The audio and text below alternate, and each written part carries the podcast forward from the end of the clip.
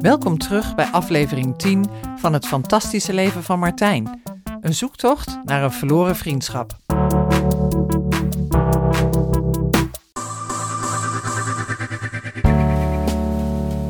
Straks heb ik een belafspraak met Hans, de broer van Martijn. Maar eerst een update van twee andere gedeeltes van de zoektocht. Inmiddels heb ik bijna iedereen die bij de ceremonie was gemaild. Maar helaas, de meesten zien af van een gesprek om uiteenlopende redenen. Te druk, geen interesse of te weinig band met Martijn. Jacqueline vertelde trouwens dat zij niet op de ceremonie was. Dan heb ik toen dus met iemand anders gesproken. Dat zal een bevriende collega uit Brussel zijn geweest. Met haar krijg ik nog geen contact. Ik weet hoe close zij was met Martijn, dus ik hoop echt dat ik haar kan spreken. Daarnaast vertelde Linda ons in de tweede aflevering dat hun ouders het tv-programma Spoorloos benaderd hadden. David heeft contact gezocht met de redactie. Ze zijn op zoek gegaan naar het dossier, maar dat heeft niets opgeleverd. In hun archief is er geen bewijs te vinden van de zoektocht van de ouders. Vandaag spreek ik dan eindelijk Hans. We proberen al maanden een afspraak te maken, maar onze agenda's matchen niet. Daarom besluiten we om het interview telefonisch te houden. De laatste keer dat we elkaar echt gesproken hebben was bij de ceremonie van Martijn. We bellen meer dan twee uur. We halen oude herinneringen op aan onze tijd in Schalkhaar, in Deventer, aan de opkomst van de house, de thuissituatie en de relatie tussen Hans en Martijn. Het wordt een verrassend gesprek met veel nieuwe informatie voor mij. Hé Hans. Dag Terry. Ik vind het fijn om je even te spreken, Hans.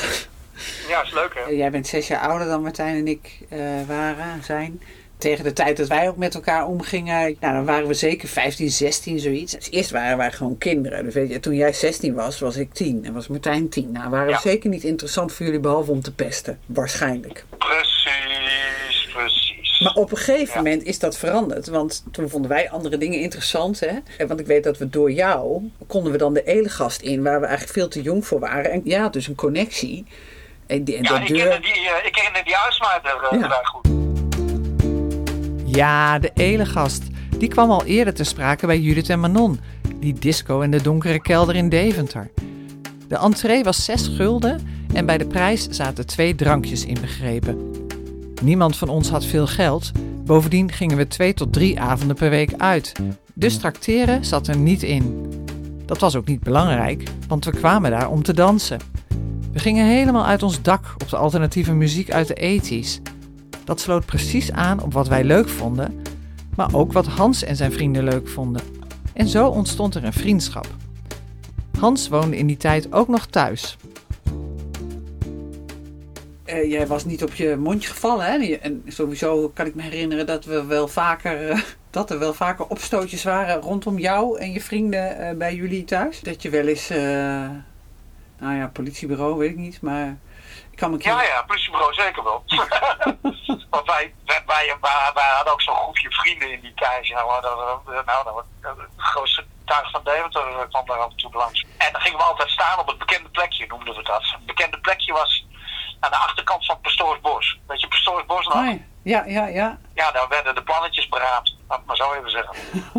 ja, en in die tijd van het vuurwerk, jongen, we bliezen van alles op. En eh, Ik kan me ook een keer zo'n herinneren dat jij samen met iemand eh, s s'nachts na het stappen naar huis was gelopen, denk ik, of gefietst. En dat je alle verkeersborden onderweg hadden gemold. ja, dat verbaast me niks. Dat weet ik niet. Maar ja, dat zou heel goed kunnen. We waren gewoon eh, super recalcitrant gewoon. Pa, die had al een paar keer gezegd, als je nou nog één keer opgepakt was en je komt nog één keer op dat politiebureau, eh, dan, eh, dan zal er wat zwaaien. En ik kan me nog herinneren dat die politieauto, ik geloof een week of twee weken later, stopte voor onze deur. En die blik van mijn vader naar mij, die kan ik me tot op de dag van vandaag nog herinneren. Ja. Er viel volledig in stilte ook, hè. Maar ik moest wel mee. Dus, eh, en ik heb daar geloof ik de nacht gezeten. Niet meer in verhoor. En eh, ja, daarna heb ik ook eh, vreselijk op mijn flikker gehad. En, eh, ik weet ook niet meer precies hoe en wat. Jij was degene die dus ook de ruzie aanging met je vader. En volgens mij Ja. heeft Martijn gewoon de strategie gekozen. Ik ga onder de radar zitten. Ik, ik, doe, eh, ik, ik zorg dat ik dat ateneum, dat er geen gezeur is. Ik zorg dat ik niet in de aanraking kom met de politie. Dat ik nergens een aanleiding is voor mijn vader om boos op me te worden. Mhm. En ik heb de indruk dat je vader hem ook eigenlijk gewoon min of meer ja, links liet liggen. Of toch al zoiets had van nou dat wordt toch niks. Hè? Want ik was in de ogen van je vader was Martijn natuurlijk helemaal niet mannelijk genoeg. Voor mij... je slaat de spijker, op- je slaat de spijker op zijn kop, eh, eh, Terry.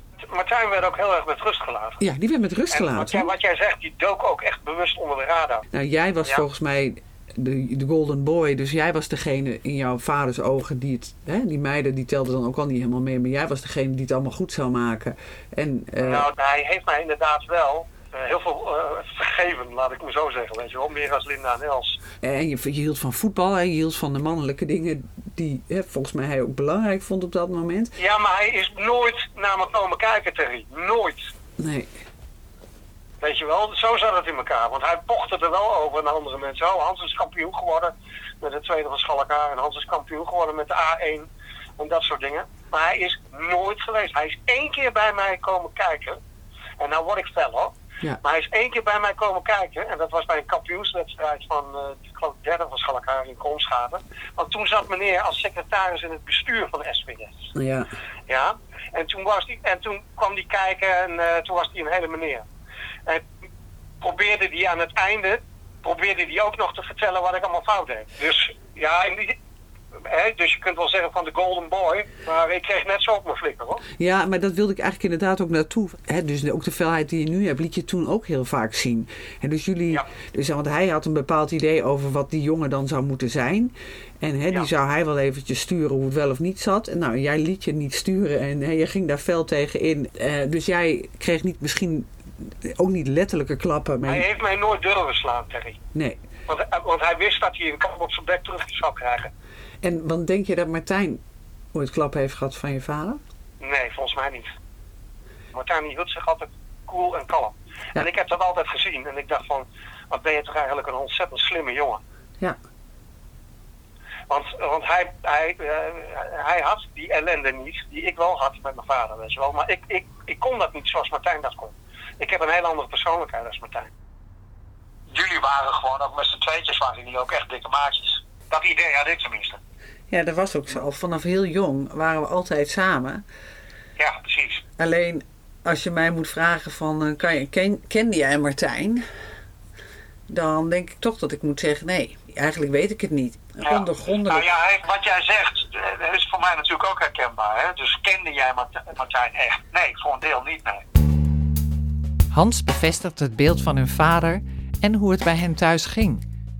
Hij ging er weliswaar anders mee om dan Martijn of zijn zussen, ging veel meer in verzet, maar hij had er wel degelijk last van. Het valt me in het gesprek ook op hoe anders Hans is dan Martijn, in alle opzichten. Ik vind het bijzonder dat ze jarenlang samen optrokken, zoveel samen deden. Dat begon eind jaren 80, toen er een nieuwe muziekstroming kwam, waardoor alles veranderde. Op een gegeven moment hadden we echt zo'n kliek bij elkaar. En dat is, ja, die ken jij die- geloof ik niet helemaal. Wij zijn gewoon als, eh, als, als, als groep zijn wij gewoon die houseparties ingevlogen, weet je wel. Want dat was toen net, kwam toen net op. Dat, was toen, dat heette nog acid parties in die tijd, weet je wel. Die moest je ook nog zoeken. Die, die kon je niet vinden. Die moest je echt, eh, nou je kreeg een paar aanwijzingen hier en daar. En dan was het een een of andere loods eh, her en der. En nou, daar kwamen al die gefriekte DJ's en weet ik veel. En eh, dan had je de avond van je leven, bij wijze van spreken. Maar wat mij zo verbaasde, hè, was dat je dus... eh, Ik ken jou als eh, gitarist. En Ja. jij eh, hey, je zat volgens mij in een soort rock-pop band. Gingen naar de Elegast, alternatief. Ja, ja En echt van die underground. jij zat in bandjes, ik zat in bandjes. Iedereen om ons heen zat in bandjes. En toen kwam dus Ja. die acid en die house. Nou, dat leek er voor geen meter op. En het verbaasde me Nee. enorm dat jullie daar helemaal... Dat jullie dat, ja, dat leuk vonden. Maar die hele ervaring gewoon, dat was iets wat bij elkaar kwam. Hè, dus eh, die, die, die, die, die muziek, die, eh, eh, die ontwikkeling daarin en de drugs en eh, de, al die gefriekte mensen en eh, ook hele leuke mensen hoor. Ik ben nog een keer mee geweest naar Amsterdam. Of naar de IT of naar de Roxy, dat weet ik niet meer. Ja. En ik dacht, wat, ja, die muziek, dat vind ik echt helemaal drie keer niks. En, eh, eh, en ik denk niet dat er die avond over ecstasy of over pilletjes gepraat is. Ik denk eigenlijk dat ik met Martijn alleen was. En dat, dat staat me ook bij dat we s'avonds dus uh, terugliepen naar het station. En dat we toen twee naakte mannen tegenkwamen op straat. En eentje die werd die had zo'n ketting om met van die spikes eraan. Uh, en die werd Oh, zeg maar ja, ja, dat- voortgetrokken door de ander. Dus het, weet, weet- ik nog aan Martijn? en ze spraken Martijn aan. En, wij waren, en ik denk dat we dan ook een jaar of 17 of 18 waren. In ieder geval, ik weet wel dat we heel erg onder de indruk waren. En dat we dat, die avond Ja. is ons enorm bijgebleven. Maar ook dat het voor mij duidelijk was: dit is niet mijn scene. En dit is niet wat ik wil. De muziek vond ik ook ruk in het begin. Eh, Later eh, ja, groeide daar een beetje in. Maar toen woonden wij nou ook nog gewoon in Deventer. En ik was gewoon ook aan het werk. Ik was grafisch technicus in die tijd. Ik, ik had een goede baan. Ja. Weet jij of Martijn die in die tijd dan een baantje had waardoor hij geld had en dus ook wel eens iets kon betalen? Nee, nee. Dat, maar, maar ik heb Martijn eigenlijk nooit eh, echt in een baan gezien of wat dan ook. Eh, ik, ik heb heel veel voor Martijn betaald, dat weet ik wel. En Ja. Dat, dat, dat, ja, daar werd helemaal niet moeilijk over gedaan. Daar deed ik ook niet moeilijk over. Toen interesseerde mij dat nou. Ik had een dik vet loon, joh. Ja, dat, ik, dat kan ik me ook nog wel herinneren. Dat jij gewoon ook heel veel geld had en dat je er dus ook nooit moeilijk over deed. Maar Ik werkte gewoon bij de Nederlandse diepdrukindustrie. Ik werkte in vier ploegendiensten in die tijd. En dan in het weekend gingen we er tegenaan, weet je wel. ja, Want als je onder invloed van die drugs en die pompende muziek en je lichaam zo staat te kicken, weet je wel, dan heb je echt een fijne avond, kan ik je vertellen. En, eh, Martijn was heel vaak bij me, want die vond het thuis ook niet meer zo leuk. Dus die was, en ik woonde toen in de Assenstraat in Deventer. ja, Ik heb daar twee jaar gewoond, maar dat was dus de zoete inval. Hè, dus eh, iedereen kwam daar, uit, eh, ook uit die, uit die scene, die eh, ook altijd naar die houseparties gingen. ja, Nou, dus dat was gewoon één groot blowen en zuipen en eh het weekend een beetje snuiven en slikken. Op een, een of andere manier zochten we een uitvlucht. Om een, om een mooiere, of een andere wereld te creëren. Dan valt er bij mij een kwartje. Ineens zie ik het. Martijn wilde helemaal niet praten over zijn problemen. Hij wilde ze vergeten. En Martijn heeft dus wel degelijk iemand die hem dierbaar was om hulp gevraagd. Ik denk eigenlijk dat jullie op een gelijk, eh, gelijksoortige manier dat leed deelden. Dus niet door, daar heel erg te praten, maar dus door te dansen en door je onder te dompelen en door... Ja, oh ja, helemaal met je eens. Maar we hadden ook heel veel lol in die tijd, weet je. Dus we hadden ook geen zin om daar hele avond over, over te bomen. Nee. Maar daar hebben we wel over gepraat. Kan je daar meer over vertellen? op een gegeven moment was hij, had hij er ook gewoon geen zin meer aan. Om het te proberen of om contact te zoeken of wat dan ook. Want hij zei ook in die tijd zo van, nou ja, hij zegt, ik woon nog daar daar thuis. En, eh, maar hij zegt, ik ben eigenlijk nooit thuis. Ja. Hij was altijd weg, hij was altijd of bij mij of eh, ja, ergens anders, weet je wel. Toen dronk hij trouwens nog helemaal niet bijna, hè. Want hij hield in die tijd hield hij helemaal niet van alcohol. Want ik dronk bier. Nou, dat vond hij gewoon smerig. Ja, dat is, dat is wel grappig, want dat is niet wat ik me herinner. Ik herinner me Martijn die, die eh, ja, eh, Blue Curaçao of Pisang Ambon of Ja, dat soort dingetjes wel. Ja, dat kan ik me nog herinneren. Dat soort dingen wel. Ja, misschien dus geen bier, maar wel dat hij... eh, Ik kan me wel herinneren, nou ik vooral blowen. hè. Ik kan me vooral dat blowen herinneren bij jullie onder de carport. Ja, precies. Ja, ja, ja. Aan de achterkant van die, van die, van die dubbele garage. en eh, ja, dat weet ik nog heel goed. Ja, Ik ben toen een keer met Martijn ook... Dat, toen woonde je op een flatje in de stad. Dus dat was in de buitenwijk. Ik denk in Wezenlanden kan dat. Heb jij een flatje ja, gehad? ja, heb ik ook nog een tijd gewoond. Ja. In ieder geval weet ik dat Martijn en ik dus eh, naar jou toe kwamen. En ik moest vrijdagavond om tien uur thuis zijn van mijn ouders. En toen dacht ik, nou, dan ga ik Ja. dit keer ga ik me daar eens aan houden. Ja. En eh, toen hadden we nog niet gebloot. En eh, in mijn gedachten, of in mijn herinnering is het zo dat, ehm, dat jij ook op de een of andere manier het een beetje aan het uitstellen was. Misschien een beetje aan het sarren was of zo, dat weet ik niet precies. Maar in ieder geval, ik zei tegen Martijn, het is nu kwart voor tien, ik ga naar huis, want dan ben ik om tien uur thuis. Want dan, hè, dan hou ik me eens een keer aan de regels. Dat is misschien ook wel eens een goed idee. Ja. ja. En Martijn die wilde niet mee, want er was nog niet gebloot. Oh ja, dat kan ik me nog, dat kan ik me nog vaag herinneren, Terry. En toen ben ik Dat uit kan ik me nog vaag herinneren, ja. Ja, en toen Ja, ben ik ja. alleen gegaan. En toen dacht ik, eh, en toen en ben ik alleen naar huis gefietst. Nou, echt, ik was super link op Martijn natuurlijk. En Ja. dat ik echt dacht Ja. van, nou, is dit nou belangrijker? Is het nou serieus belangrijker? En dat jij dan gaat blowen terwijl en dan ik in mijn eentje naar huis moet fietsen, weet je. Nou, dus dat, eh, Maar dan maak je dus ook mee dat Martijn door het blowen en door dat soort dingen. eh, afstand neemt hè, van het energiesteken in. Ja. Die avond is een van de weinige keren dat ik boos was op Martijn. Ook dit was na de hand niet bespreekbaar. Hans en ik praten verder over wat koetjes en kalfjes en ineens zegt Hans... Want ik ben met mijn vader een keer bij Adrie geweest. Oh, en echt toen waar? zei hij, to- toen zei hij eh, eh, dat, hij eh, dat de relatie uit was en dat hij Martijn niet meer zag. Heb, heb je nog enig idee wanneer dat was dan? In welk jaar? 98 of zo, 99. Oh, wat, dat wist ik helemaal niet. We hebben een man gebeld die op televisie was. En die man die, die, die, die zocht vermiste personen op. En die, dat was een eh, ja, vrij bekend iemand en die scheen daar heel goed in te zijn. Toen zei pa tegen mij van eh, we bellen die vent of we schrijven hem een brief en dan vragen we of hij dat wil doen. Ja, En we hebben dat toen gevraagd aan hem en toen zei hij van nee dat soort dingen doe ik niet, zei hij toen. nee. En toen, en toen belde hij ons terug, ik geloof een week of twee weken later. En toen zei hij, ik heb Martijn gevonden. Dus wij vielen van onze stoel. We hadden zoiets van, wat? Dat is de reden dat wij bij die Adrie terecht zijn gekomen. Oh, wat interessant. Adrie zei, ik weet niet waar hij zit. En eh, toen had hij wel, liet hij wel een beetje doorschemeren dat het al niet zo goed met hem ging, met Martijn. Ik val nu toch bijna van mijn stoel. Dit is compleet nieuw voor mij. Ik reageer zoals ik altijd reageer in dit soort situaties. Ik ga analyseren. Ik heb Martijn in 1991 voor het laatst gezien. En ik ben toen teruggekomen op een gegeven moment en gaan studeren in Utrecht. En toen woonde jij ook in Utrecht. Nou, dat zal rond 1993 geweest zijn. Ja, toen werd Mick geboren namelijk, in Ja. 93. Want ik ben ook bij jou eh, toen op graanvisite geweest. Dat weet ik ook nog. Maar wanneer is voor jou de laatste keer geweest dat jij Martijn hebt gezien? Ja, in die tijd. Toen ook nog in 93 nog. Ja, want Martijn is nog bij Mick geweest een keer. Ook nog. Ja, ik zou, ik zou denken dat Martijn toen toch al een tijdje weg was. Maar, eh, Oké. Dat weet ik ook niet meer precies. Dat is al zo lang geleden, joh. maar wist jouw ouders dan dat Martijn homo was? Ja, op dat moment wisten we dat, ja. Maar daarvoor wisten we dat niet. Maar dat was voor mijn vader ook geen probleem, hoor. Daar, daar hadden pa en ma beide geen problemen mee. Zo van, nou, als hij dat wil, dan moet hij dat maar doen op die manier. Ja. Ik, kijk, het punt is, hij heeft namelijk tegen Tineke gezegd dat hij naar huis is gegaan. Dat hij tegen zijn vader heeft gezegd dat hij eh, eh, homo was.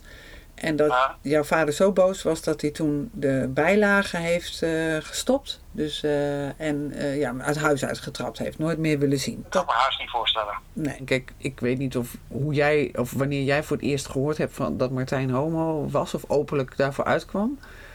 Nou, dat is op een gegeven moment dat Martijn die brief stuurde. Eh, eh, hij heeft op een gegeven moment een brief gestuurd hè, naar mijn vader of zo. Ja. Ik weet niet meer naar wie. En dat, dat hij geen contact meer wou. En dat hij dus homo was en dat hij aids had. Dat stond in die brief. Oh, ook dat nog. Ja, dus, en dat wisten wij dus niet.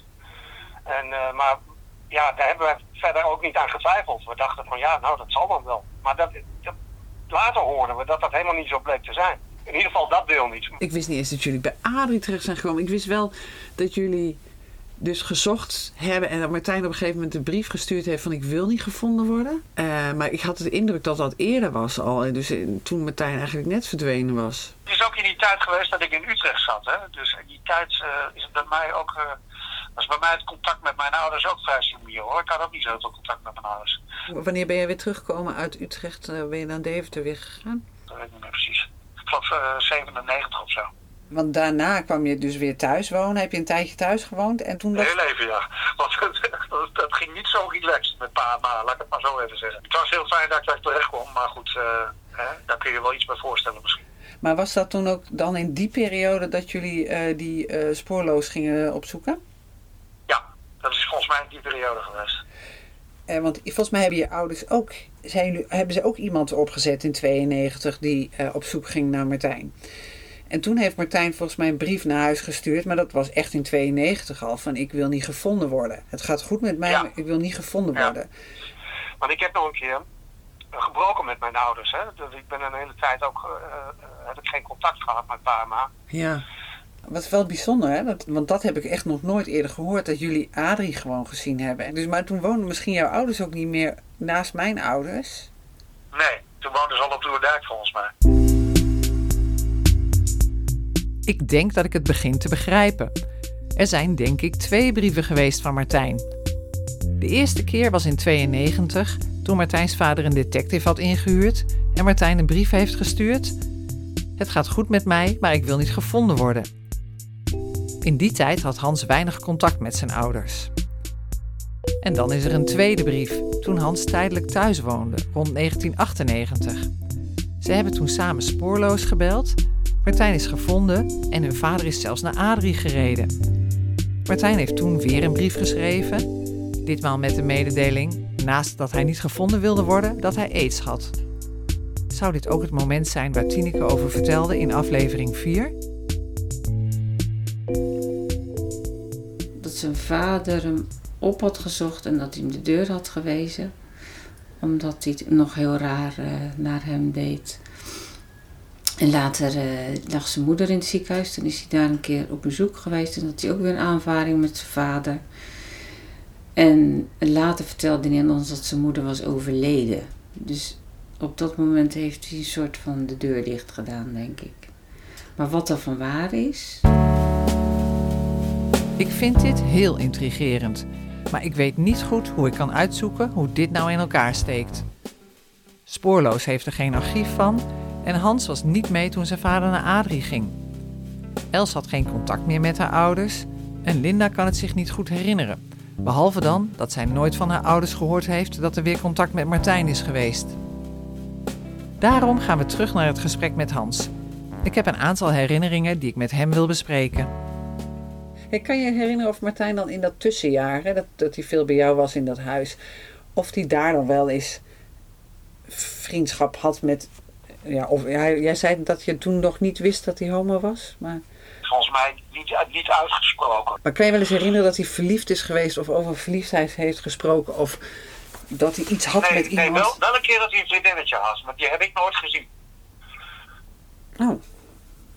Ja, en ik weet ook niet meer hoe ze heet. Hoor. Maar, maar kijk, dat kan van alles zijn. Dat kan zijn dat hij gewoon een vriendinnetje had en uh, geen seksuele relatie meer had of wat dan ook. Dat weet ik allemaal niet.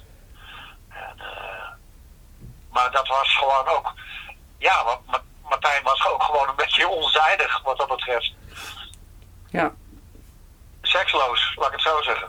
Nou ja, daarin was hij dus ook ondergrondelijk eigenlijk. Want, ja, ja, ja, ja, zeker. Ja, dus en Tineke zijn ook precies hetzelfde. Die gebruikte zelfs hetzelfde woord. Seksloos. Ja. Ik kan je herinneren toen in de jaren tachtig woonde Martijn op een gegeven moment boven die lijstenwinkel. Ik denk op de Grote Overstraat, maar misschien anders op de Kleine ja. Overstraat. In een kamer van ja. een vriend van jou. Ja, klopt. Dat was ook de eigenaar van die lijstenwinkel. Ah, dat kan. En die ging op... Ja, uh, hoe, hoe heette die ook alweer? Uh, God, ja, die namen allemaal. Dat... Ik kan me ook niet herinneren, maar ik weet wel dus dat Martijn twee maanden in die kamer, want die, die jongen ja, ging dat op, weet ik ook nog. ging denk ik op wereldreis of reizen of zoiets. En toen heeft Martijn daar geld van hem gestolen, hè? Ja, John heette die. John. Nou weet ik het weer, John. Ja, maar die achternaam, dat weet ik niet meer. Maar en dat hij toen de pinpas gevonden heeft met de pincode en toen ongeveer 2000 gulden heeft opgehaald.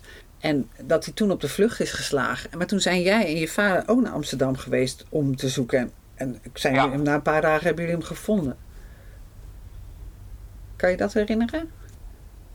Nee, dat kan ik me niet meer herinneren. Maar ik weet wel dat wij toen Amsterdam zijn. Ja, oh ja, toen hebben we, ja, dat weet ik nog, ja, ja. Maar waar was dat ook alweer? Want dat was toen ook, want wij kenden toen ook, ja, ik kende wat mensen in Amsterdam vanuit de house scene. Ja. En, uh, maar ik weet niet meer hoe dat toen gegaan is, uh, Terry. Dat weet ik niet meer precies.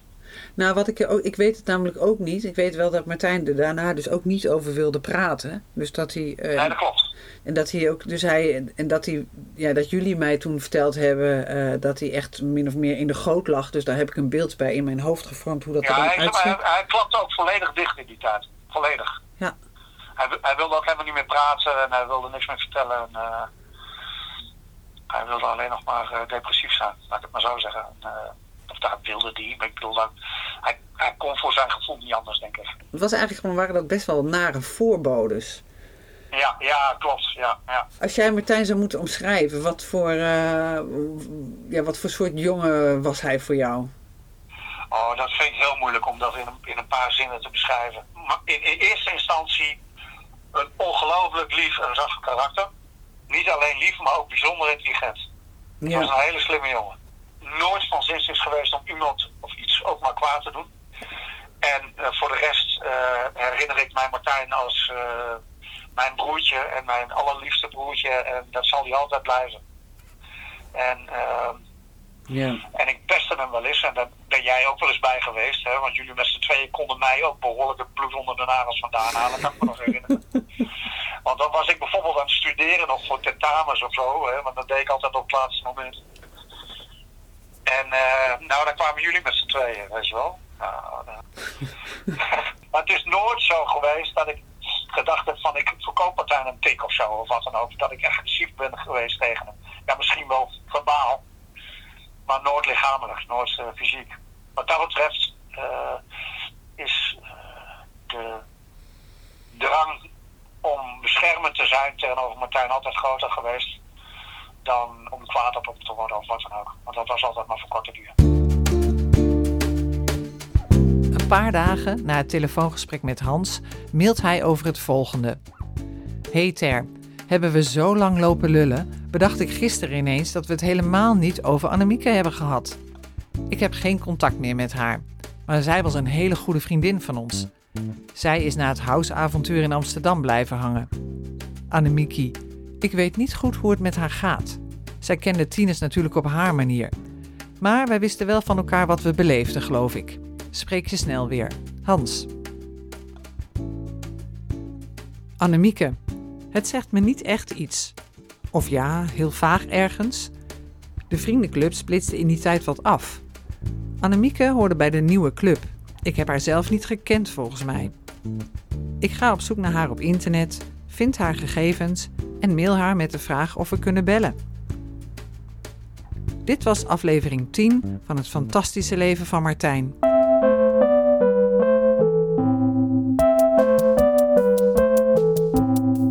In de volgende aflevering gaan David en ik weer op bezoek bij Els, die brieven van Martijn heeft gevonden.